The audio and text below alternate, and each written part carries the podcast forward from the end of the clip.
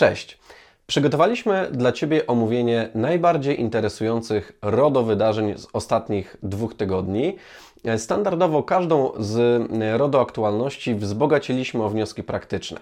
No więc czego dowiesz się z najnowszych RODO newsów?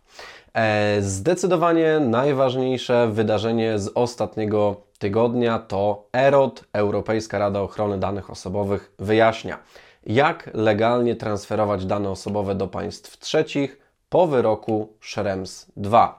Co jeszcze?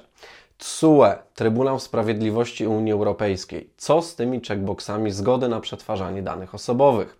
No i ostatni temat. Stosujesz na swojej stronie internetowej chatboty albo inne innowacyjne rozwiązania? Uważaj na zgodność z RODO. No to co? Zaczynamy.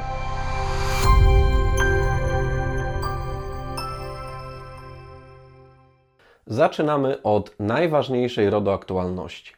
Europejska Rada Ochrony Danych, EROD, przyjęła dwa rodzaje zaleceń związanych z przekazywaniem danych poza EOG, czyli Europejski Obszar Gospodarczy. Pierwsze z nich to, cytuję, Zalecenia w sprawie środków uzupełniających narzędzia przekazywania danych w celu zapewnienia zgodności ze stopniem ochrony danych osobowych UE. E, drugie z zaleceń określa europejskie gwarancje podstawowe dotyczące środków nadzoru.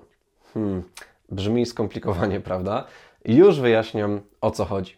E, oba dokumenty zostały przyjęte przez EROD 10 listopada 2020 roku i powstały oczywiście w konsekwencji lipcowego wyroku TSUE w sprawie Schrems 2, który omawialiśmy już w czas narodo. Link znajdziesz oczywiście na dole w opisie odcinka. E, jaki jest cel najnowszych zaleceń EROD? Oddaję tutaj głos przewodniczącej Rady pani Andrei Jelinek. Zaproponowane zalecenia pomogą eksporterom danych w identyfikowaniu i wdrożeniu skutecznych dodatkowych środków tam, gdzie są one potrzebne. Naszym celem jest umożliwienie zgodnego z prawem przekazywania danych osobowych do krajów trzecich przy jednoczesnym zagwarantowaniu, że przekazywane dane są objęte poziomem ochrony danych zasadniczo równoważnym z poziomem ochrony gwarantowanym w EOG.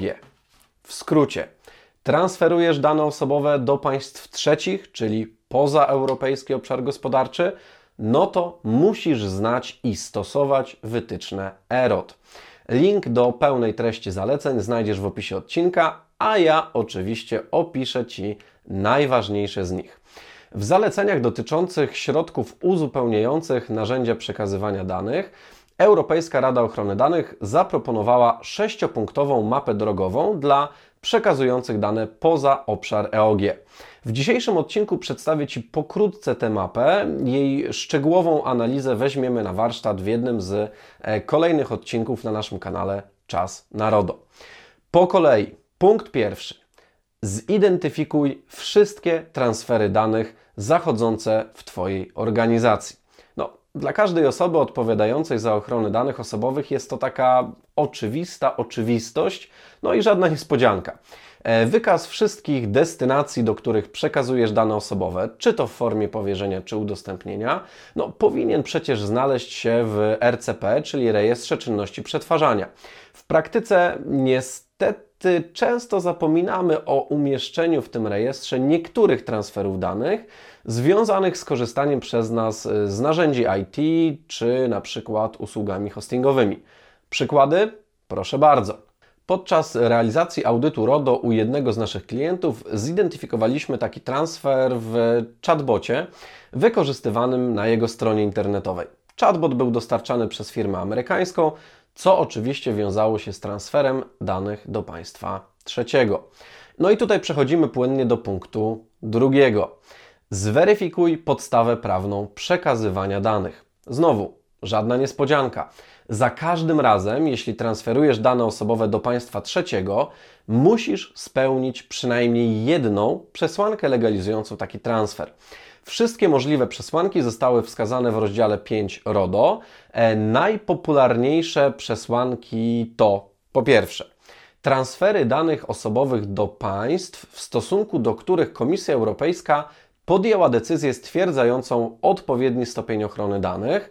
E, z popularniejszych państw mogę wymienić na przykład Szwajcarię, Japonię, Izrael czy Nową Zelandię. W stosunku do tych państw właśnie Komisja Europejska e, podjęła taką decyzję.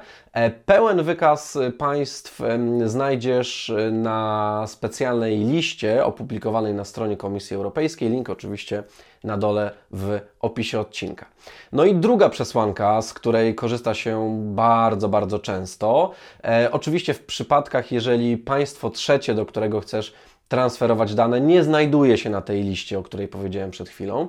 No, w takich przypadkach najpopularniejszą przesłanką jest stosowanie tak zwanych standardowych klauzul umownych. No i znowu link do standardowych klauzul umownych znajdziesz na dole w opisie odcinka.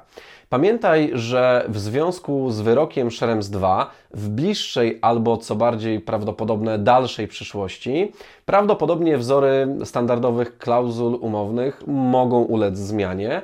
Komisja Europejska wyznaczyła już nawet termin 10 grudnia 2020 roku, do kiedy będą przyjmowane opinie do projektów dwóch decyzji dotyczących właśnie standardowych klauzul umownych. Przy transferze danych do Stanów Zjednoczonych bardzo często wskazywano też inną przesłankę. Przynależność danej amerykańskiej firmy do programu tarczy prywatności Privacy Shield. No i tutaj uwaga. W związku z wyrokiem Schrems 2 ta podstawa przekazywania danych do USA przestała obowiązywać. Podsumowując, do każdego zidentyfikowanego transferu danych do państwa trzeciego koniecznie przyporządkuj przynajmniej jedną z podstaw prawnych określonych w RODO w rozdziale 5. I tą podstawą nie może być już tarcza prywatności. Przechodzimy do kroku numer 3. Dokonaj oceny systemu prawnego danego państwa, w tym w szczególności dostępu do danych osobowych przez organy publiczne. Ten krok nie jest już taki oczywisty. E, w praktyce przy dokonywaniu takiej oceny skorzystaj z drugich przyjętych przez EROT zaleceń w sprawie europejskich gwarancji podstawowych. E, przykładowo w danym państwie musi funkcjonować niezależny mechanizm nadzoru nad służbami mm, uprawnionymi do dostępu do danych osobowych. E, ważne, żeby po dokonaniu przez Ciebie oceny pozostał jakiś ślad czyli żeby została ona sporządzona na piśmie albo w formie elektronicznej z zachowaniem zasad rozliczalności, żebyśmy byli w stanie wykazać na przykład w razie kontroli UODO, kto uczestniczył w ocenie, kto za nią odpowiada i kiedy została przeprowadzona. Przechodzimy do punktu numer 4. Określ dodatkowe środki techniczne wzmacniające ochronę przekazywanych danych i utrudniające do nich dostęp. W skrócie, im mocniej zabezpieczysz przekazywane dane osobowe, tym lepiej. Najczęściej będzie to sprawdzona i od lat stosowana metoda szyfrowania danych. Tutaj wyczulam Cię na jedno. Pamiętaj, że wbrew obiegowej opinii, sam fakt zaszyfrowania przekazywanych danych nie sprawia, że przestają być to dane osobowe. Oznacza to, że nawet pomimo zaszyfrowania przekazywanych danych, nadal musisz zachować pełną zgodność z pozostałymi punktami na mapie drogowej Erodu. Przechodzimy do kroku numer 5. Określ dodatkowe środki organizacyjne mające na celu zabezpieczenie transferowanych danych. No, pamiętaj, że bezpieczeństwo przekazywanych danych możesz zapewnić nie tylko na polu IT. E, warto wiedzieć, że można to zrobić również w warstwie, na warstwie prawno-organizacyjnej. E, przedstaw partnerowi biznesowemu z państwa trzeciego odpowiednie procedury zabezpieczające, dodatkowe klauzule ochronne czy jakieś specjalne e, oświadczenia obligujące do zastosowania określonych środków bezpieczeństwa.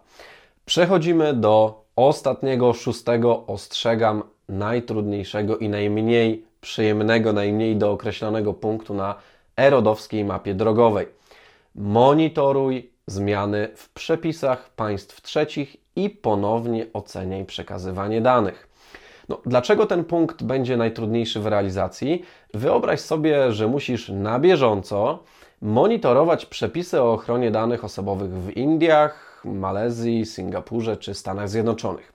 E, żeby nie było za łatwo, pamiętaj, że na przykład w USA w USA. Bardzo wiele uregulowań w zakresie ochrony danych osobowych nie zapada na poziomie federalnym, a stanowym.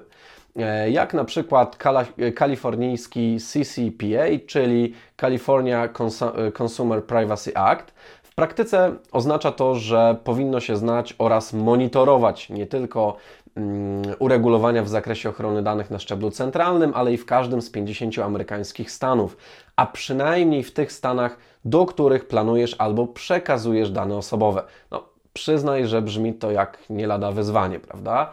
E, jakoś Ciężko wyobrazić mi sobie sytuację, żeby każdą polską firmę przekazującą albo planującą przekazywanie danych osobowych na przykład do USA stać było na skompletowanie całego zespołu do bieżącego monitorowania przepisów o ochronie danych w tym państwie, czy, czy, czy wręcz w poszczególnych stanach. E, także wygląda na to, że szykuje nam się miejsce dla nowej branży na rynku, która będzie zajmowała się tylko i wyłącznie monitorowaniem przepisów o ochronie danych w najpopularniejszych destynacjach, do której przekazywane są dane osobowe. Oczywiście w idealnym świecie idealnie by było, żeby ciężar bieżącego monitoringu stanu prawnego przynajmniej naj, najpopularniejszych destynacji transferów danych do państw trzecich wzięli na siebie krajowi regulatorzy, czyli na przykład nasz polski UODO. No i chociaż naprawdę mocno trzymam kciuki za naszego regulatora, to bazując na jego dotychczasowej, no, lekko mówiąc, umiarkowanej aktywności, raczej nie wierzę, żeby w najbliższym czasie, najbliższych latach, mm, żebyśmy doczekali się takich opracowań. A szkoda. Podsumowując, Obowiązkowo zapoznaj się ze szczegółami wytycznych EROT, no i co jeszcze ważniejsze, stosuj je w praktyce. Przechodzimy do kolejnej rodu aktualności. ICO, czyli brytyjski regulator, nakłada na spółkę Ticketmaster UK Limited karę w wysokości ponad 1 miliona funtów. Za co została nałożona kara? W skrócie za niezachowanie bezpieczeństwa danych osobowych klientów. No dobrze, ale czym konkretnie zawiniła spółka i jakie konkretnie wnioski możesz z tego wynieść? Już mówię. Według ICO ukarana firma nie wdrożyła odpowiednich środków bezpieczeństwa, żeby zapobiec cyberatakowi na chatbota zainstalowanego na stronie płatności online. Naruszenie danych, które obejmowało nazwiska, numery kart płatniczych, daty ważności i numery CVV kart płatniczych potencjalnie dotknęło ponad 9 milionów klientów Ticketmaster w całej Europie, w tym 1,5 milionów, 1,5 miliona w samej Wielkiej Brytanii. Śledczy ustalili, że w wyniku naruszenia 60 tysięcy kart płatniczych należących do klientów Barclays Bank padło ofiarą oszusta, a kolejne 6 tysięcy kart zostało zablokowanych przez Monzo Bank po podejrzeniu nieuczciwego użycia. No dobrze, Wiemy już, że wyciekło bardzo dużo danych, bardzo wielu osób o bardzo finansowo wrażliwym charakterze. Możesz oczywiście powiedzieć, no cóż, Zdarza się, ataki hakerskie dosięgnęły już nie takie organizacje, a problemy w zakresie bezpieczeństwa IT miał nawet sam Pentagon. Także można powiedzieć, że jest to ryzyko wkalkulowane w każdy biznes i nie ma się tym co za bardzo przejmować. E, oczywiście możesz tak pomyśleć, no i tak po części będziesz, będziesz mieć rację, ale tylko po części. Bo to, że ataków hakerskich nie da się w całości uniknąć, to nic odkrywczego, ale to, co możesz zrobić, to zminimalizować takie ryzyko i dochować należytej staranności w stosowaniu odpowiednich zabezpieczeń. Co konkretnie mogła zrobić ukarana spółka, żeby nie zostać ukarana, albo przynajmniej otrzymać karę w mniejszej wysokości? E, ICO w toku postępowania stwierdziło, że Ticketmaster nie ocenił ryzyka związanego z używaniem chatbota na stronie płatności, a jeśli ryzyko nie zostało ocenione, no to spółka nie zidentyfikowała i nie zastosowała odpowiednich, adekwatnych środków bezpieczeństwa, żeby wyeliminować to ryzyko. Wniosek dla Ciebie: jeśli chcesz stosować jakieś fajne, nowoczesne narzędzia, w których są przetwarzane dane osobowe, szczególnie finansowe albo wrażliwe, szczególne kategorie danych, koniecznie przeprowadzaj analizę ryzyka. Jak to zrobić? Odsyłam Cię do serii artykułów na naszym blogu Ocena ryzyka w RODO, jak się za to zabrać. Oczywiście link na dole w opisie odcinka. Przechodzimy do ostatniej, trzeciej RODO aktualności. Trybunał Sprawiedliwości Unii Europejskiej TSUE w swoim najnowszym wyroku podkreśla, to klient, a nie sprzedawca ma zaznaczać okienko checkbox ze zgodą na przetwarzanie danych. Sprawa, która trafiła do TSUE, dotyczyła rumuńskiego operatora telekomunikacyjnego e, Orange Romania. E, w trakcie zawierania umów z klientami spółka prosiła o wyrażenie zgody na przechowywanie kopii dokumentów tożsamości. Stosowna klauzula zgody była częścią treści umowy. No dobrze, póki co nie ma w tym jeszcze nic złego. Gdzie w takim razie pojawił się problem? Niestety, ale przekazywane klientom do podpisu umowy miały domyślnie zaznaczone checkboxy zgody. Co więcej, jeżeli klient nie wyrażał zgody na przetwarzanie swoich danych właśnie w tych celach, mm, no to musiał wypełnić specjalny, odrębny formularz o sprzeciwieniu się skopiowaniu i przechowywaniu kopii dokumentu tożsamości. Co ciekawe, bez wyrażenia zgody umowa mogła być zawarta, czyli ta forma przetwarzania danych osobowych nie była niezbędna do realizacji umowy. Podsumowując, Trybunał orzekł, że nieskuteczna będzie każda zgoda na przetwarzanie danych, jeśli, cytuję, Okienko wyboru odnoszące się do tej klauzuli zostało zaznaczone przez administratora danych przed podpisaniem umowy lub gdy postanowienia rzeczonej umowy mogą wprowadzać osobę, której dane dotyczą w błąd, co do możliwości zawarcia owej umowy pomimo odmowy udzielenia zgody na przetwarzanie danych lub gdy administrator bezpodstawnie wpłynął na swobodne podjęcie decyzji o sprzeciwieniu się skopiowaniu i przechowywaniu kopii dokumentu tożsamości poprzez ustanowienie wymogu, żeby w wypadku odmowy udzielenia zgody osoba, której dane dotyczą, wypełniła dodatkowy formularz dokumentujący tą odmowę. Jakie z tego wnioski? Po pierwsze, staraj się przetwarzać dane osobowe w oparciu o inne przesłanki legalności niż zgoda.